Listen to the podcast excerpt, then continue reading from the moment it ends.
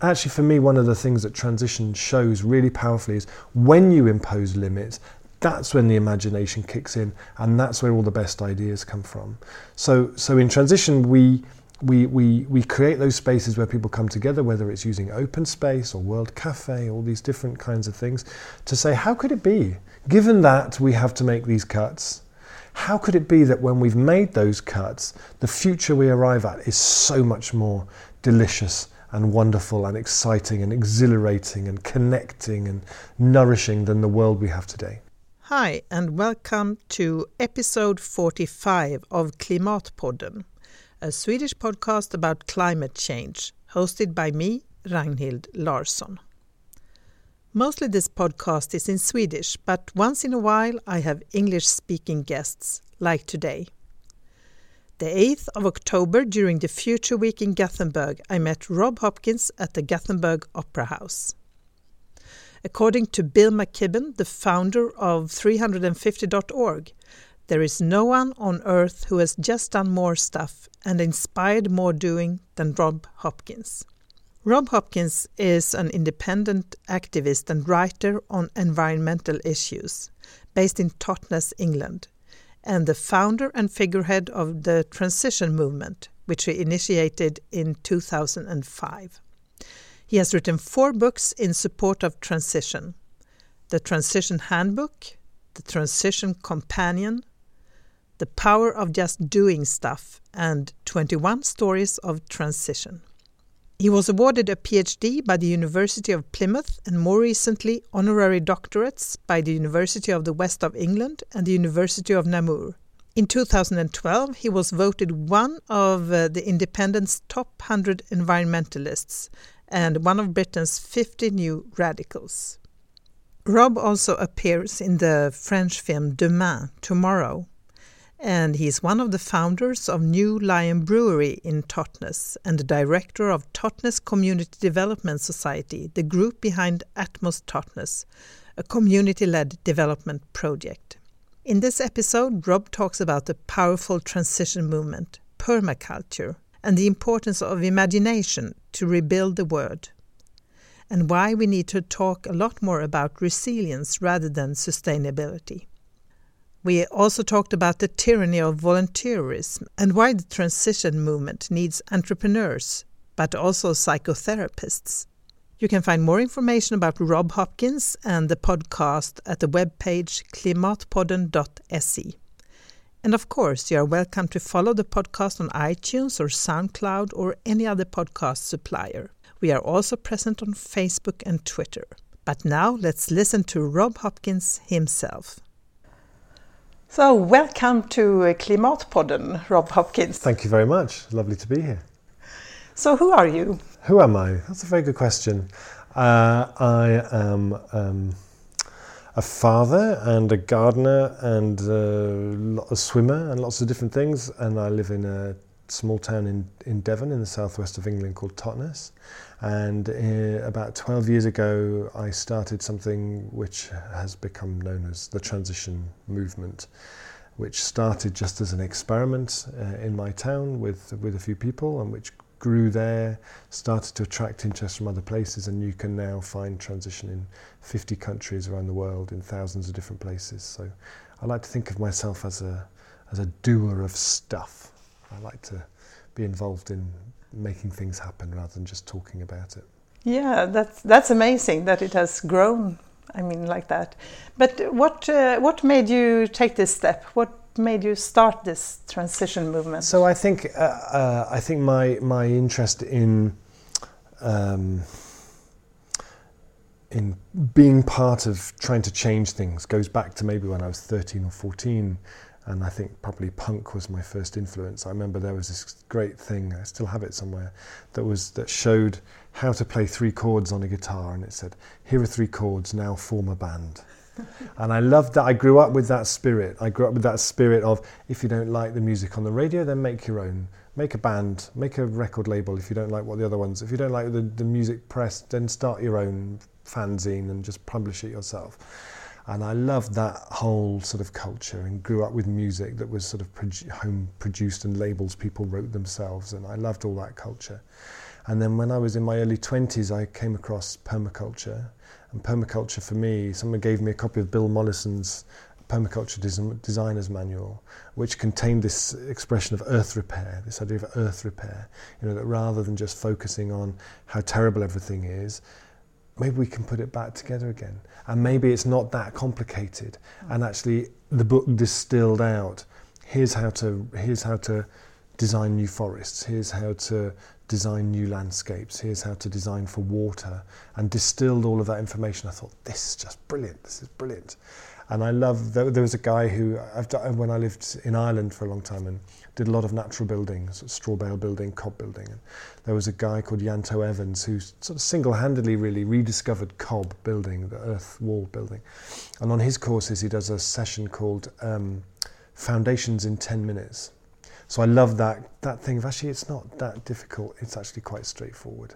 So for me, I guess I come through that, and I also uh, have a bit of a uh, have a kind of a background in in Buddhism, and I, I spent when I was in my late teens, I spent three years living in a Buddhist monastery in in Italy, and from that I kind of came away with this idea of the like the what they call the bodhisattva motivation that actually you, you do things with a motivation of service to other people and working in that way and that's been a big sort of influence as well.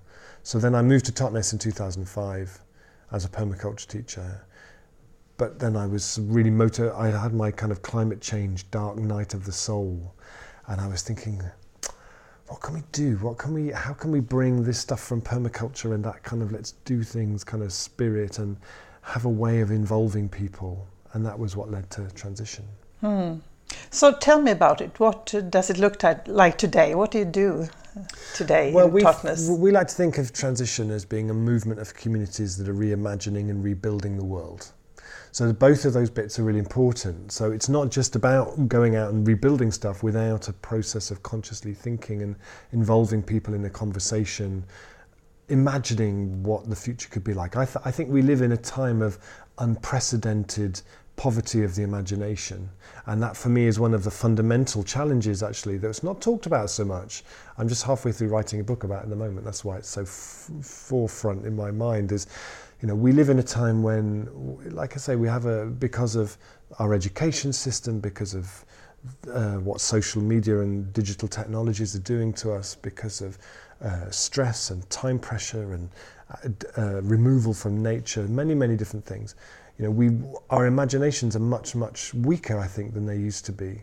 And there was some really fascinating research done in 2011 in the US by a woman who gathered together all the data from a particular creativity test which measures divergent thinking uh, that goes back to the 1960s.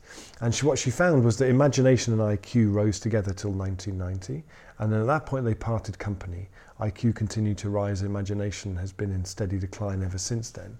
And so for me, there's a question about if that's the, and, and and that was research made on the front cover of Newsweek. There was lots of stuff. What does this mean for economic growth?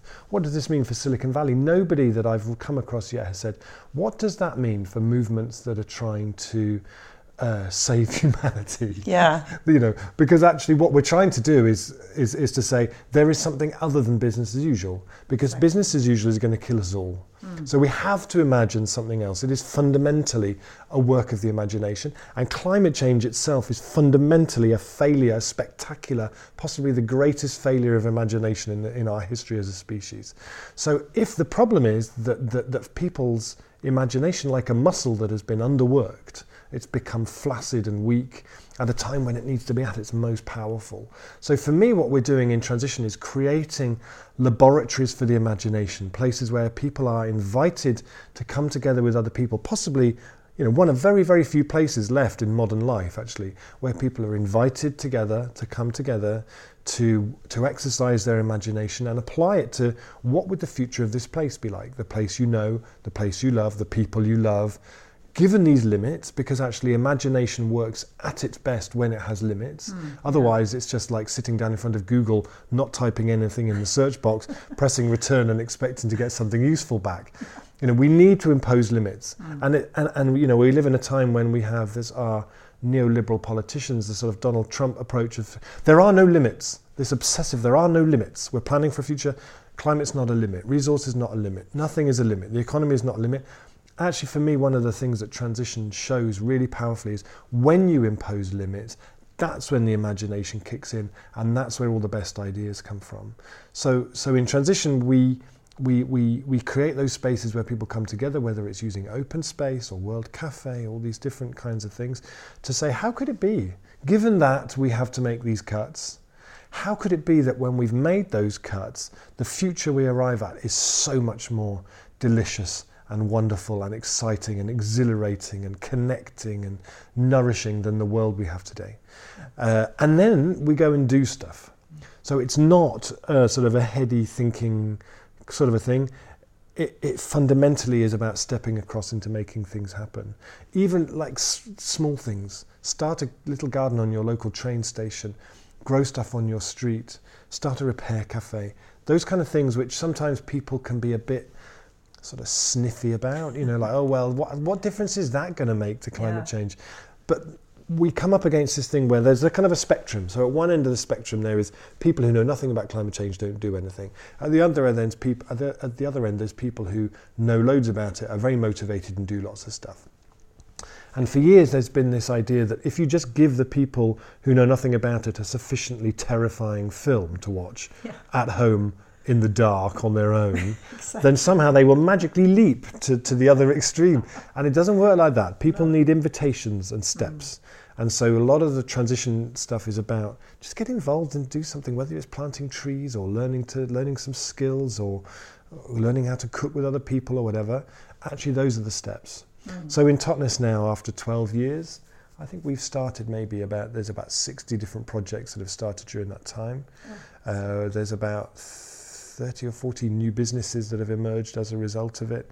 We have some of the really substantial projects now, like. Um, we have a, a, a project that's going to build 27 homes for local people using local materials. We have a community energy company that's putting renewable energy in place. Uh, we've got some really interesting food projects, new businesses up and running. We've started a brewery. The first new mill in the town for 100 years is now back up and running. Um, yeah, there's lots and lots of things happening, Hmm. and and the same, you know, what. I, most of my role in transition is kind of being a storyteller. I go and visit places and I collect up stories, and that's what I'll be doing in the session uh, later on here today in Gothenburg. You know, and, and, and in some of those stories, you'll you know those from all over the world. There's really exciting stuff happening. Yeah. The thing I love about it is the, the place where I live. I can now walk around it, and I can start to see things changing as a result. Yeah, and I really think rewarding. It's really rewarding, and, and it starts to change the way a place thinks about itself mm. and about what its future could be like, and that's mm. really exciting. And I guess you could could get people engaged, even though they are not that engaged in climate change. I mean, as a topic. I mean, if even if they because they there are other yeah. benefits as well. I think when we started, you know, we, we, we very much said, you know, transition is a response to climate change, yeah. to energy security issues. You know, get involved because of that. It's about building community resilience because of those issues.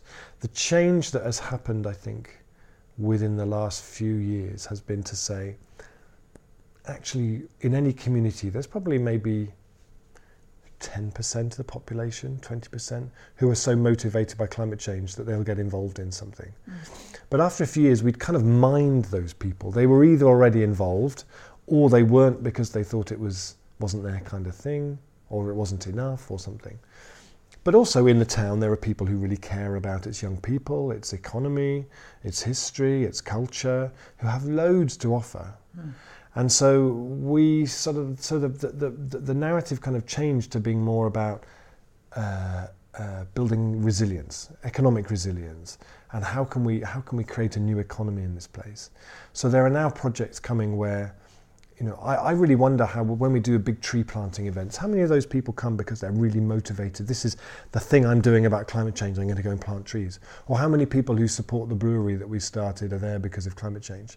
You know, but they love that manifestation of what we're doing. Mm. You know, and I think I think if transition does one thing, it, it's very skillful at trying to remove obstacles to people getting involved in it. And uh, if we take away that kind of explicit or implicit sense of if you're going to get involved in this, you have to believe, you have to sign up to the 97% consensus on climate change.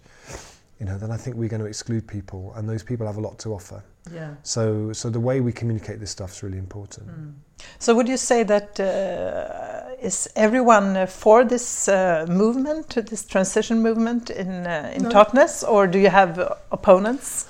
Um, there have been there have been times in its history when it's encountered opponents, but I think it's very skillful at just not playing that game. Really, mm-hmm. you know, You just don't care about them that much. well, you just go and talk to them, and, Yeah. and and actually, Yeah. it's all a bit silly most of the time, really. You know, so I, about five years ago, I did a, a PhD, and uh, which was a sort of a study of transition time Totnes at that time, and we did a big survey of the town. So it said that 75% of people had heard about it, 62 thought it was a good idea, 33% had been to something. They had obs- they'd gone to something that was related to it, and two or three percent were, were kind of actively involved in it. Um, you know, I think sometimes people imagine that if you're going to try and do something meaningful, you have to have everybody in a place fully supportive of what you do. Actually, you need about 10 people Yeah.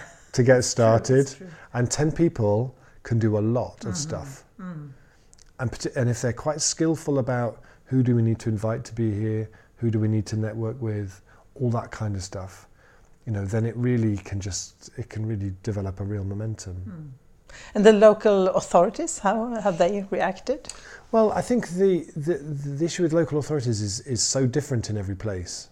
You know, so, so most of what's happened in Totnes has happened independently of our local government. You know, we have, we have two. We have a county, a district council and a county council. They've, th- they, there are some projects they've been involved with and been really supportive of, and we always really appreciate that. And then there's been some things that they've just not really understood or have just not been something they wanted to engage with. So th- there have been projects where working together with the council has been really excellent. You know, we have a, a place called the Reconomy Centre, which is a, an incubator hub space for new enterprises. That's in a space which is leased kind of at a peppercorn rent from the from the council. We did a, a, a thing called a local economic blueprint that was an analysis of the local economy. They were very active in that. Uh, so there have definitely been ways in which we've worked with them. When you look across in other places, I go to some transition projects where the transition group are doing great things and have no connection to the local government at all. I go to other places like uh, Grenoble in France where they love transition, the, the city government, and uh, they they did a, their biennale was all about cities in transition and they launched a local currency and did all these great mm. strategies.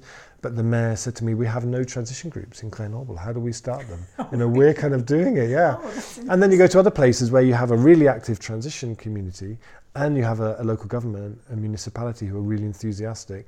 That gets really exciting then. Yeah. And I love it when you start to see those th those things come together, like in Bristol, where where the Bristol pound, which is their local currency scheme, works because they have such a lot of support from the city council. So you can now pay your business rates, your council tax, your bus tickets using the local currency. They have electronic uh, version on people's mobile phones. Many companies and organisations, including the council, give their staff the option to receive a percentage of their salary in local currency. And then you get to some really interesting places where you have a city council with hundreds of thousands of pounds of local currency in their bank account, but they can only spend them with local businesses, hmm. local suppliers, back into the local economy. That then opens up a whole load of really intriguing possibilities then. Yeah.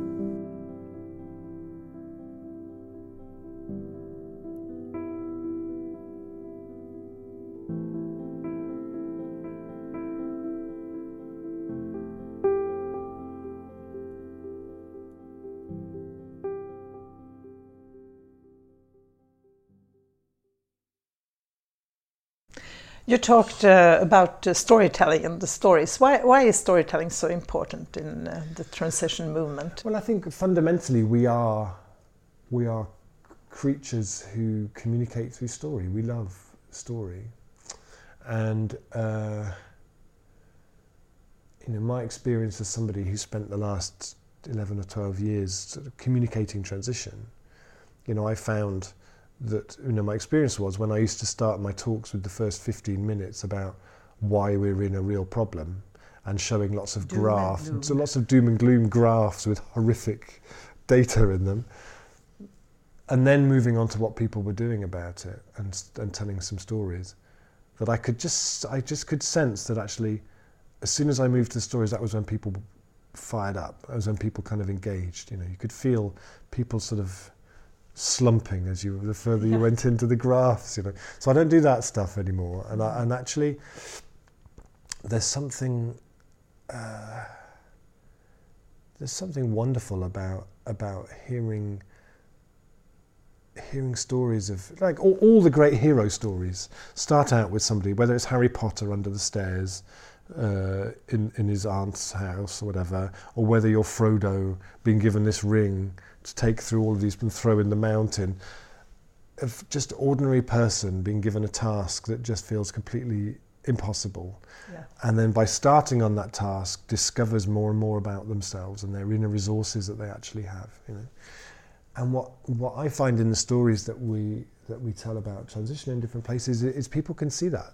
Hmm. It's just ordinary people who yeah, thought they can identify. yeah so Yeah. well why not? What have we got to lose? What's, what's the worst thing that can happen is we try this and it doesn't work Yeah. I At think least my- we tried. I think I think my ego can probably handle that, you know. So Yeah. let's so let's give it a go. Mm. And then and then from that you see the most fantastic stuff starting to happen. Hmm. Um, yeah, you see people when you tell those stories, people people lean forward in their seats. Yeah, and I guess our brains also are wired for stories. There is this uh, man in the US, uh, uh, uh, Kendall Haven. I don't know if you know about No. it. Him.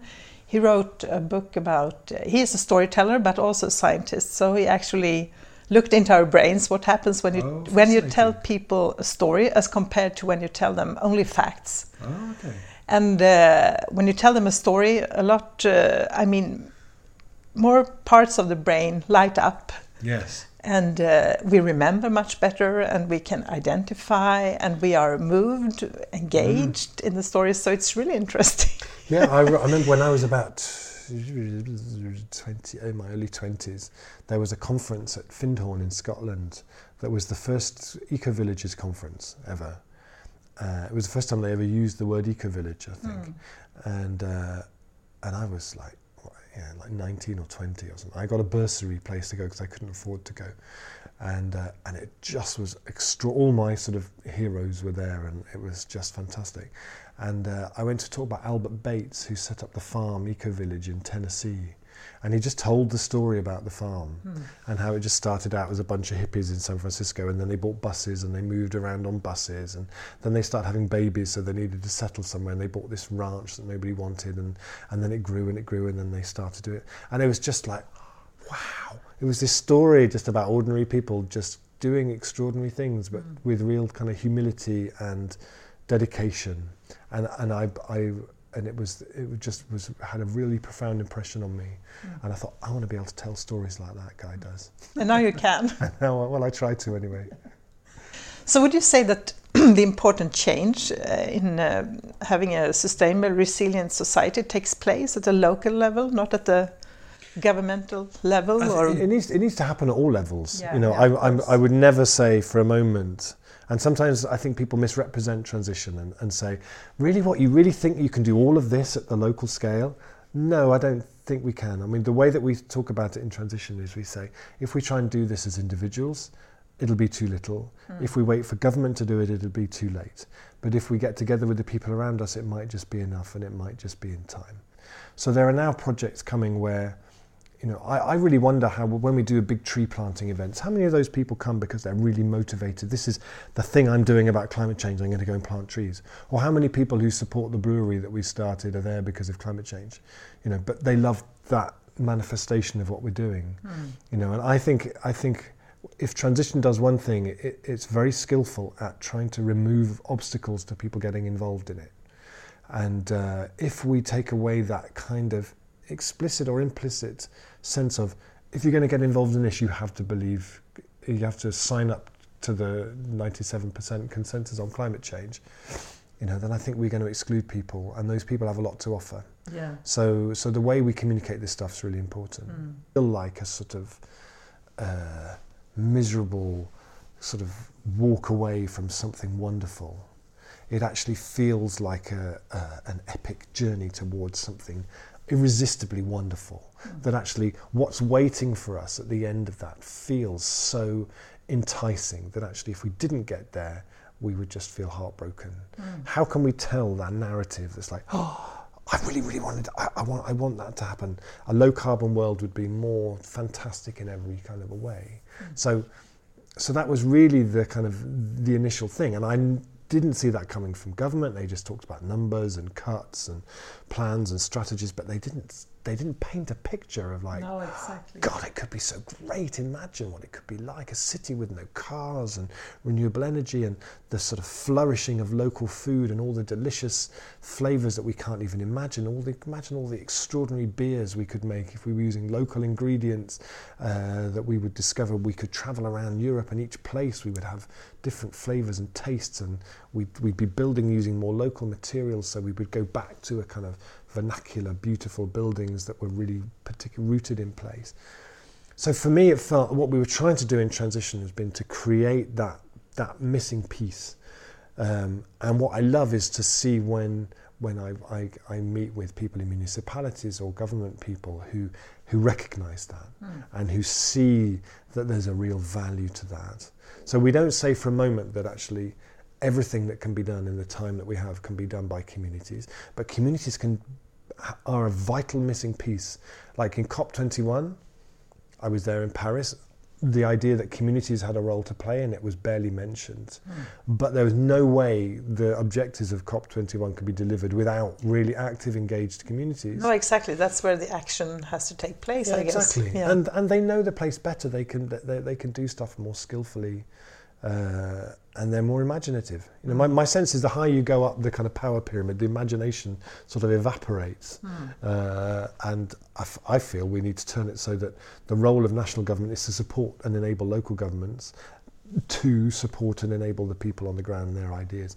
And I love what you see happening in Barcelona now, uh, moving in that direction, you know, where they're bringing in citizen councils and uh, neighbourhood democracy and all that sort of thing. You start to get a sense of what that could look like. Mm.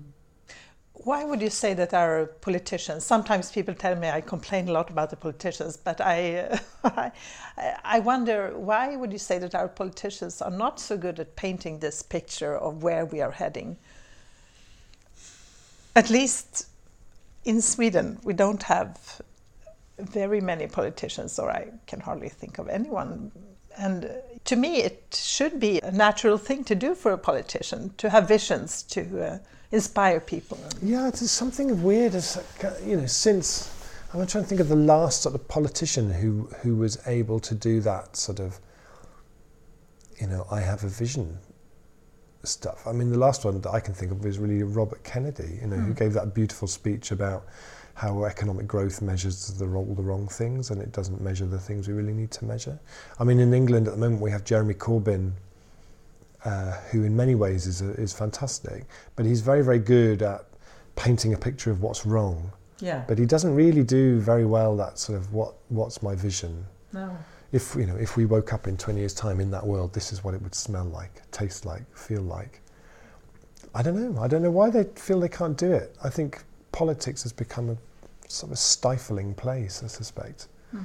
I don't know. It's, it's one of the questions that I'm kind of exploring in this book, and I'm trying to act, get, interview some people in politics to say to yeah. say what happens, where does yeah. it go. I think part of it, certainly in England at least, is that is that is that a, a, a majority of people who are politicians were educated through the through private school and, and often sent to boarding school at a young age, and there's some fascinating st- stuff about the impact of of being of being uh, removed from your family and your parents at a young age and what that does to your imagination. Mm. And your imagination is kind of molded into, into looking backwards. So a lot of those schools are all about the glories of the past and uh, the famous people of the past and uh, rather than looking towards looking forward towards the future. Mm. And I think also when you are kind of traumatized in that way, that bit of your brain that looks at the future kind of gets closed off. Your imagination gets like the hippocampus where imagination comes from is like your fuse. People have post-traumatic stress disorder. One of the first things that goes is their imagination, their ability to imagine the hmm. future. Mm. Um, yeah, I think so. I think we have some of our politicians are quite traumatized. Yeah, but we don't have that many boarding schools in Sweden. We have like one or two, I think, that yeah. a few of them went to, but not all of them. I mean, I don't know in Sweden. I've only been here for two days. no. Uh, I, I wouldn't say that our our politicians uh, have that many visions, if any. no, and the danger with that is that actually the people who step up and set out the visions are the are the right wing exactly. uh, people. You know, if, if you leave that if you leave that space of narrative and story empty, then what then what then what fills it? Because people need that. Yeah, people need yeah. that in their life. You know, and we don't encounter much storytelling apart from you know through the through through television and and that kind of storytelling. Yeah, there's a there's a gap there. I think. Yeah. So what role? I mean, media also. I guess journalists could play a role by the type of questions yeah. they ask in debates and yeah, so on. but I mean, I think for me, you know, one of the main things about imagination is that basically it's and that, idea of divergent thinking is that what you're doing is you're assembling things in different ways. So you, so you, the, it's about kind of unusual assemblies of different things. So you know, hip hop came about. What happens if I mix this Led Zeppelin record and this James Brown record together? Oh, we've got this whole new genre of music comes out of it. You know. Um, so it's really important that, that, that we have as many different pieces and ingredients in our minds. It's why there's a French film called Tomorrow, Demain, yeah. which uh, which was really huge in France. It was a phenomenon, really. And uh, the, the great thing about that was it gave people a whole sort of palette of ideas, energy, lots of different, different ideas about energy and eco- eco- economics and food and education, uh, so that then when they were thinking about the future, they had things to pull in. Whereas if you just spend all your day watching the television and reading the newspaper, you don't really get that. No. You know, so for me, one of the key duties of, of, of good journalism at this time is to be giving people those stories. Mm. You know, the press should be about and our exposure to the press should be about possibilities.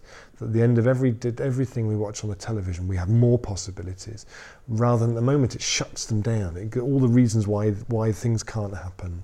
Yeah, and you and you get a false view on the world. I mean, except for climate change, a lot of things are really going in the right direction. Mm. I mean, uh, child or poverty, and uh, I mean, uh, yeah, a lot of things are.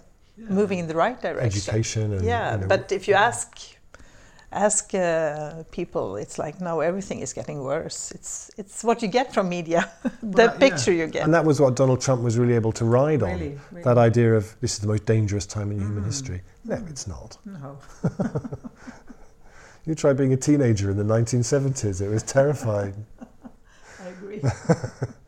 you talk a lot about uh, resilience uh, as opposed to sustainability. Yeah. So, what would you say is the difference? Uh, sustainability has become a pretty much meaningless term, I think, now, particularly in the UK, where the government just said um, uh, in their in their planning national planning guidelines, they said basically any development is sustainable development. So well, that was easy. Yeah. oh right, okay. So anything you do is sustainable. Okay. Uh, so it's become completely meaningless, and sustainable development is also a pretty meaningless. Yeah, it's term. it's everywhere. It's everywhere, and, it, and it's just and, nothing. Yeah, you, know, you can fill it with anything or nothing. And people talk about sustainable growth and yeah. sort of all these oxymorons. Uh, sustainable development is kind of an oxymoron as well in some ways. So, so for me, resilience and and sustainability implies that we can just design this kind of perfectly smooth sort of uh, journey to a place where that is sustainable, whatever that means in various different ways. Resilience for me actually says it's not going to be that smooth. You know, actually, what's going to happen is we're going to encounter shocks at different mm. times. Mm. You know, there will be climate shocks, economic shocks, energy supply shocks. Uh, all these different things are going to impact, and unless you design for that, you're not going to have that move towards sustainability. What you're going to have is you're just going to keep hitting off these different uh, things. You know, I was traveling up here to Sweden. Uh, and there was a, a, a, huge storm all across North Germany a few days ago that knocked out the entire transport network uh, and other things besides. You know, so you know, we've seen, we've seen with all the hurricanes in the US and all these different things. You know, so so for me, resilience is a much more uh, useful way of looking at it. How do you design so that you're able to withstand and weather and adapt to those shocks? Mm. And there's some great resi- great work happening here in Stockholm uh, about re- with the Resilience Centre. The bit that it felt to me when we started transition was missing was that idea that that actually resilience is an enormous opportunity as well. So in my town, if we decide how do we make this food system more resilient, by doing that, there's huge possibilities. We could that's that's the potentially the economic renaissance of our place. Mm. Putting back in place a resilient food infrastructure means putting back local mills, local breweries, local baking, uh, local food production, looking at looking at uh, varieties of plants that are going to be able to withstand the changes we're seeing in the season, which often means rediscovering varieties of things people don't eat so much anymore. You know, there's a there's a wonderful project that emerged out of Transition Norwich, which is a kind of a standalone business now called, now called Hodmedod's, who who who looked at said, well, how could this city feed itself? Well, actually, how did it feed itself before? It grew beans and pulses that nobody really eats anymore but we know they're a really good source of protein and they grow really, really well in this country. Just the problem is no one even has heard of them and knows what to do with them. So they, they, they started doing some pilots of getting farmers to grow some of these things. And then they developed recipes for them and really beautiful packaging with recipes in. And, and they just won the BBC Good Food Awards and they're really growing really, really quickly, you know, because they've, they've kind of gone back to look at that thing of saying actually putting that resilience back is the most enormous opportunity. If you look at energy, how do you design economic resilience into your local economy so you don't end up like a place where one big business closes and everyone's out of work? Mm. How do you put that complexity, that diversity back in place? That's a key resilience strategy. That's a key climate strategy if you do it right. But it's also fantastic. What an amazing opportunity to be able to do that. What an amazing time for young people to be thinking, what do I want to do with my life? Oh yeah, I could become, I could grow mushrooms on coffee grounds. That would be really cool. And I could yeah. do it all cycling all around the city, collecting them all. And, and then we could do stuff with the mushrooms. Yeah, you know, and then we could team up with these people. And, you know, th- for me, you know, the move away from complexity and diversity over the last 60 years towards monoculture and Walmart and Amazon and these sort of handful of massive companies controlling everything has been a move away from complexity, from flavour, tastes, interesting. What we see now, and you see it in the craft beer movement in the US, which is just fantastic, is when you start to move in the other direction, there's a momentum that builds behind yeah, that. Yeah. So actually, people want more interesting flavoured beers. So then people are able to start making malt locally, which hasn't happened for 100 years. People start growing unusual varieties of hops. People start making oak casks again because there's a demand for it. Really, people remember how to do that. There's enough people remember how to do that. Yeah. So now that's a growing industry again. That's really, really fascinating then. So for me, resilience is not just how do we stop the worst from happening?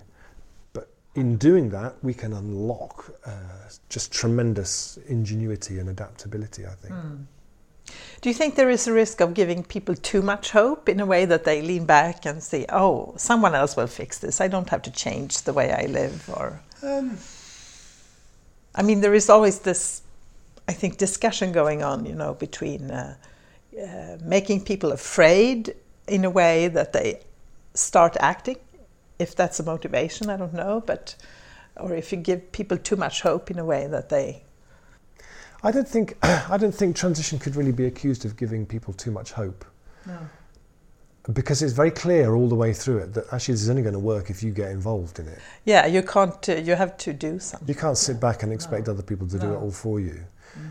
But the beauty of it is when it works well, you know, it's it's not a single issue campaign.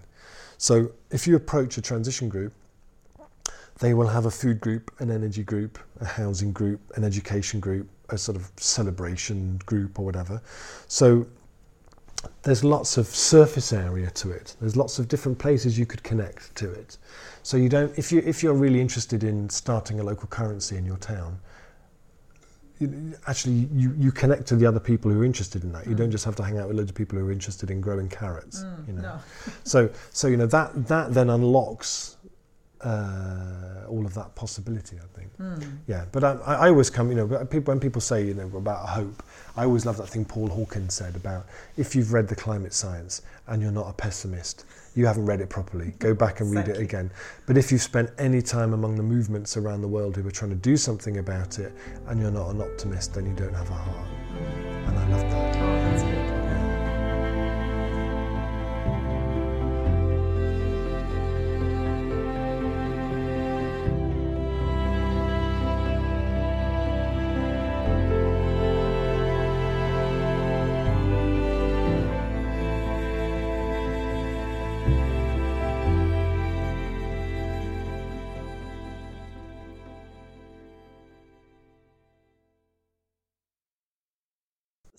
What would you say are the biggest challenges in uh, building a more resilient society? Well, I think, I mean, there are lots of things that one could say are challenges which kind of give, give our power away. You know, I could spend a oh, the government don't do this and the policies don't do that, you know, and all of those things are, are relevant. But I think if we're focused on, on what we can do here now in the places where we live, I think there are two challenges that, that come to mind. I think the first one is that we often, in the movements of people who are responding to, to climate change, in, in the huge, dazzling diversity within that, that movement of how people are acting, I think there is often a, um, a kind of an aversion to the idea that, that money has any role to play in it. That we should all be volunteers. There's somehow a kind of a moral purity to that. And that as soon as people start getting paid for anything, then it's all a bit of a sellout and it's become a bit corporate and it's lost its way somehow. You know, my sense is that then we end up with what I call the tyranny of volunteerism Oh, yeah. you know, where, where you end up in a situation where everybody, where then you say, why is everyone in our group white and middle class? Oh, I wonder why, you know. and, and actually, what, what there's a big strand in transition that, that we, we call reconomy, which says, if we're serious about this, we need to be creating work for people. Hmm. People need to be able to pay their mortgages out of transition. And they don't necessarily need to be people who are interested in transition at all. You know, we started a brewery. There's three people working there. At the moment, there'll be more. You know, they're able to support their families. You know, there's there's more and more projects that are kind of growing in that way. And there's a there's a way that there's a way that people who are entrepreneurs approach designing projects that is often really lacking in our movements, I hmm. think. Mm. You know, so if we're going to, if we have some land in a city, we're going to start a community garden or something. A community garden has lots of yields from it that aren't financial yields. Uh, and community gardens are fantastic in many ways, but if you were to bring an entrepreneur's thinking to that same piece of ground, you might say, how can we train people? How can we create paid work for people? How could we value add the stuff that's coming out from this? How we could we use this as a training resource for local businesses that could then be involved? You know, there's a way of thinking hmm. that actually, if we're ser- nobody else is going to step up and create the new resilient localized economy in the places where we live. There's a guy called Michael Shuman in the US who's one of the best writers on sort of alternative economics, so local economy stuff. And I asked him once, what one thing should people do who want to reimagine their local economy? He said, go to business school. And I Oh, thought, that's I thought that's really good advice. Yeah. So for me, that's the first thing: is we need to we need to shift the thinking to say, actually, yeah, how do we create new economies? How do we create new jobs from all of this? The second one I think is we need to. Uh, there's a strand in transition that we call inner transition, which is to say that how we do the things we do matters as much as what we do, if not more. So when we live in a culture where people are on their knees, economic growth has people on their knees in sort of exhaustion, at working harder, less, shorter, more and more hours, less time with family, um, in, in in business settings that are very driven, very uh, where your you know your imagination you leave it outside when you arrive in the morning. You know how, how and burnout is just is just a fact of life, and people are expected to answer emails at two o'clock in the morning. You know how do we how do we design the response in such a way that we don't mirror that, because there is the classic activist pattern of work, work, work, campaign, campaign, burnout, Yeah, collapse exactly. on your knees for Yeah. a couple of months, get back up, work, work, work, collapse, and we're just we're just mirroring the system that we're trying to replace. Yeah. So in transition, there's a huge amount of time and attention paid to saying we need to look after each other. We need to we need to design our meetings in such a way that everyone's voices are heard, that they're enjoyable to be at, that, they, that, there, that there's room for celebration in there. How we make decisions, that we're able to um, notice the symptoms of burnout in each other and support each other to, to step back when we need to. Um, so, so for me, that's that's a really vital part of it. We have a great thing in, in Totnes where, you know, anyone who knows Totnes will know we have more psychotherapists per square foot than anywhere else in the world, possibly. And uh, we we have a, we quite early on in transition said to them, how can you help? What's your role in this? You know, when something terrible happens and there's trauma, you're brilliant then at counselling everybody afterwards. But how can you counsel people before that happens? How can you support the people during that process? So we have a mentoring project where everybody who works at the heart of Transition Town can get free uh, counselling support whenever they feel they need it. and, and at times when there's really high pressure, it's just made such a difference. I mean, I've really benefited from it on a few occasions. You know, why don't we design that into our movements? Yeah, I talked to a, a group of young activists here in Gothenburg, and they told me they began every meeting with having a round, you know, mm. where people just talked about how do we feel, mm. how much pressure do we have. I mean, just to open up, and I think just that little thing uh, made a big difference. Mm. Yeah, we always do that in transition as well. And, and, it, and what's brilliant about it is it means that you meet as friends and people who care about each other Yeah. rather than colleagues with an agenda to get through by two o'clock. Yes. You know, and then and then you and then you also design in a bit at the end where you reflect on the meeting. Mm-hmm. How was it? How could we improve it next time? And you ensure that when you when you that you have go rounds, so you don't and just end up with two or three very loud men usually sort of dominating the whole proceedings. But You go round, and so everybody has uh, has their has their voice heard, and various other sort of things like that. It makes us makes an enormous difference. Yeah. Yeah, because there is no end to it. I mean, you could work for 24 hours, Yeah. week after week, year after year. And And some people yeah. would if they could. Yeah, yeah. But then the question is, at the end of it, do you still have your partner? Do your kids still know who you are? No, probably You know, But I think that's something that has changed. I mean, among younger people, I can see Yeah. that's happening. Whereas the more middle aged ones are, yeah.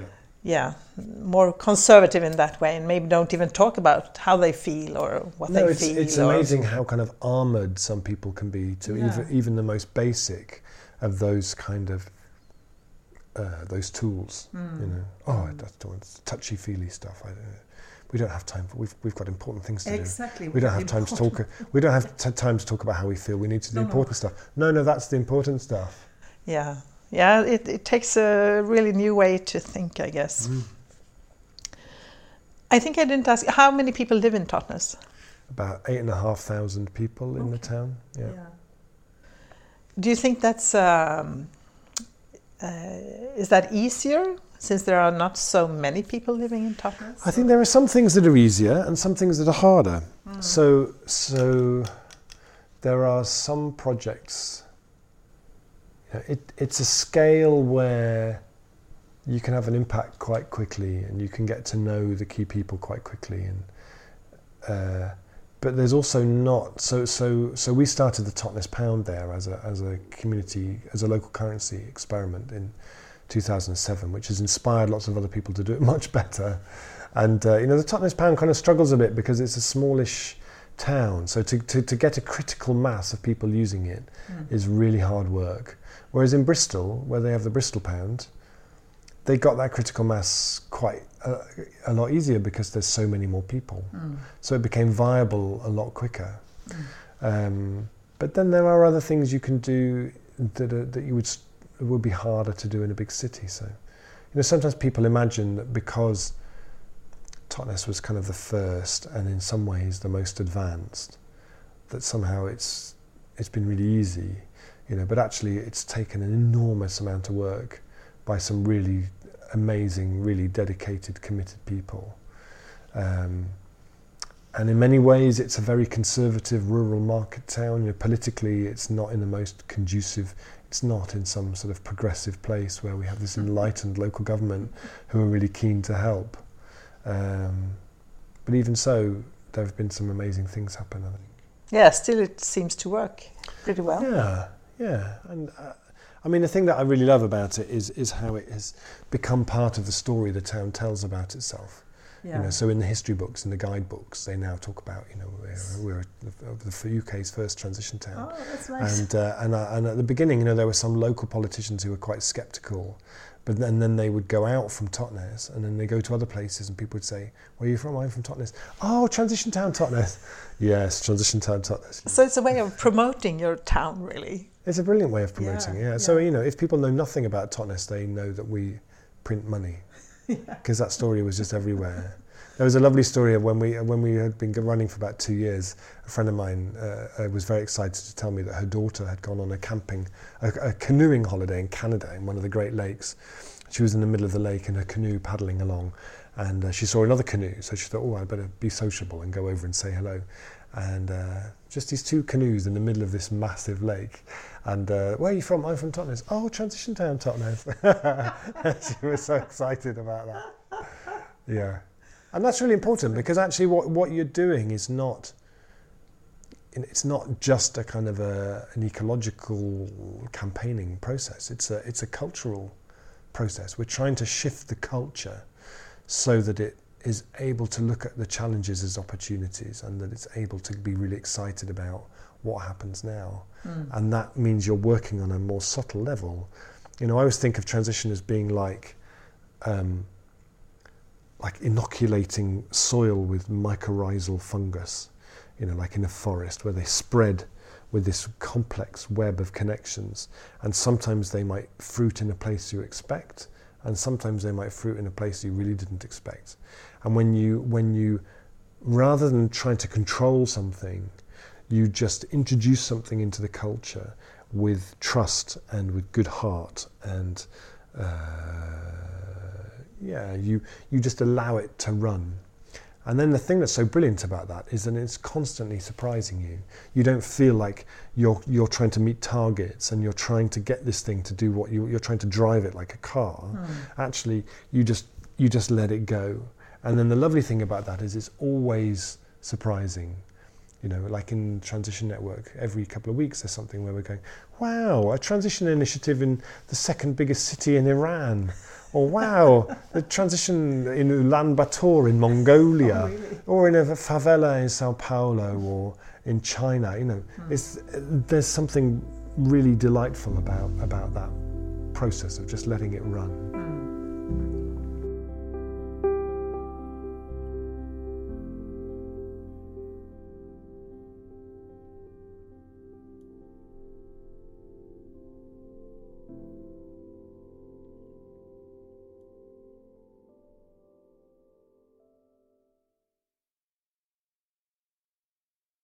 What would you say is your driving force? What makes you keep on doing this work?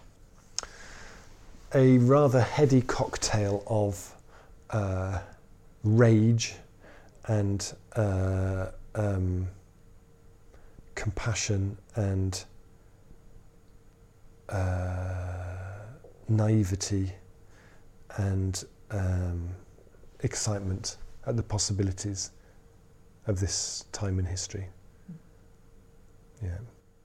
I try and juggle, keep all of those in the air. I have children and I, and I want to be able to tell my grandchildren that during this window of time I did all that was possible to have Yeah. done during this time. Yeah.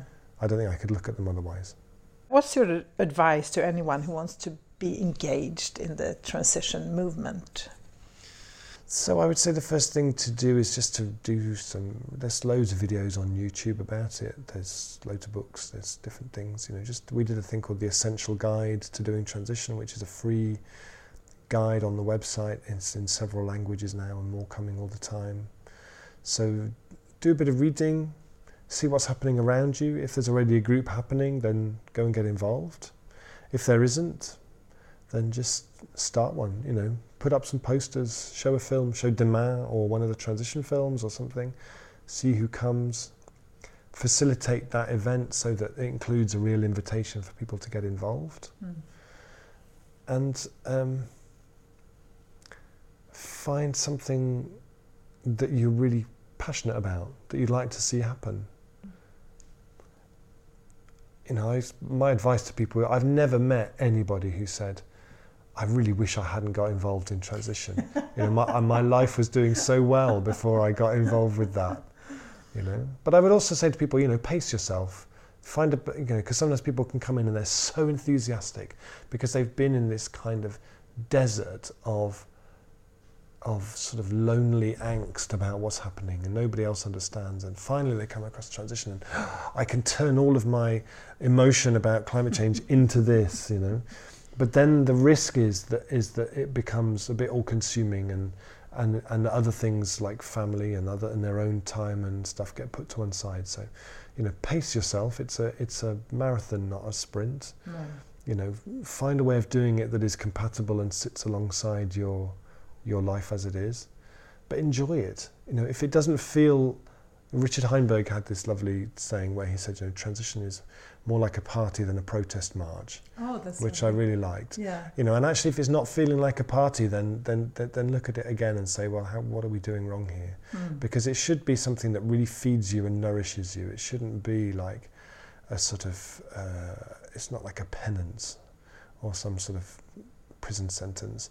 You know it should should feel like it should feel like something really delightful that gives you the opportunity to to do stuff that you would never normally get to do.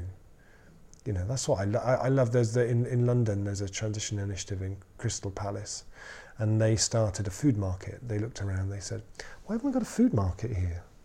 Actually, uh, and then they, called, they, they ran a series of meetings with the community and said, if there was a food market here, what should its values be? And people said, well, it should be local stuff, it should be organic, it should be creating space for people to come in and start new businesses. They started this market, they won all sorts of awards as the best food market in London and stuff. But when I and I went up to, to see them there and I said, Why do you do this?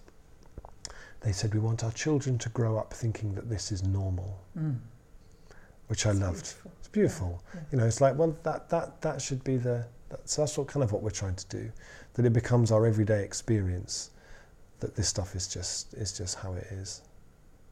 Yeah. Sounds very good, I think. So good luck with your future work on this. thank And uh, Good luck with your podcast. and Yeah, thank, thank you. you. It's it a was- pleasure to be on. yeah, it has been really interesting sitting and talking to you about this. So Thank you very much. thank you.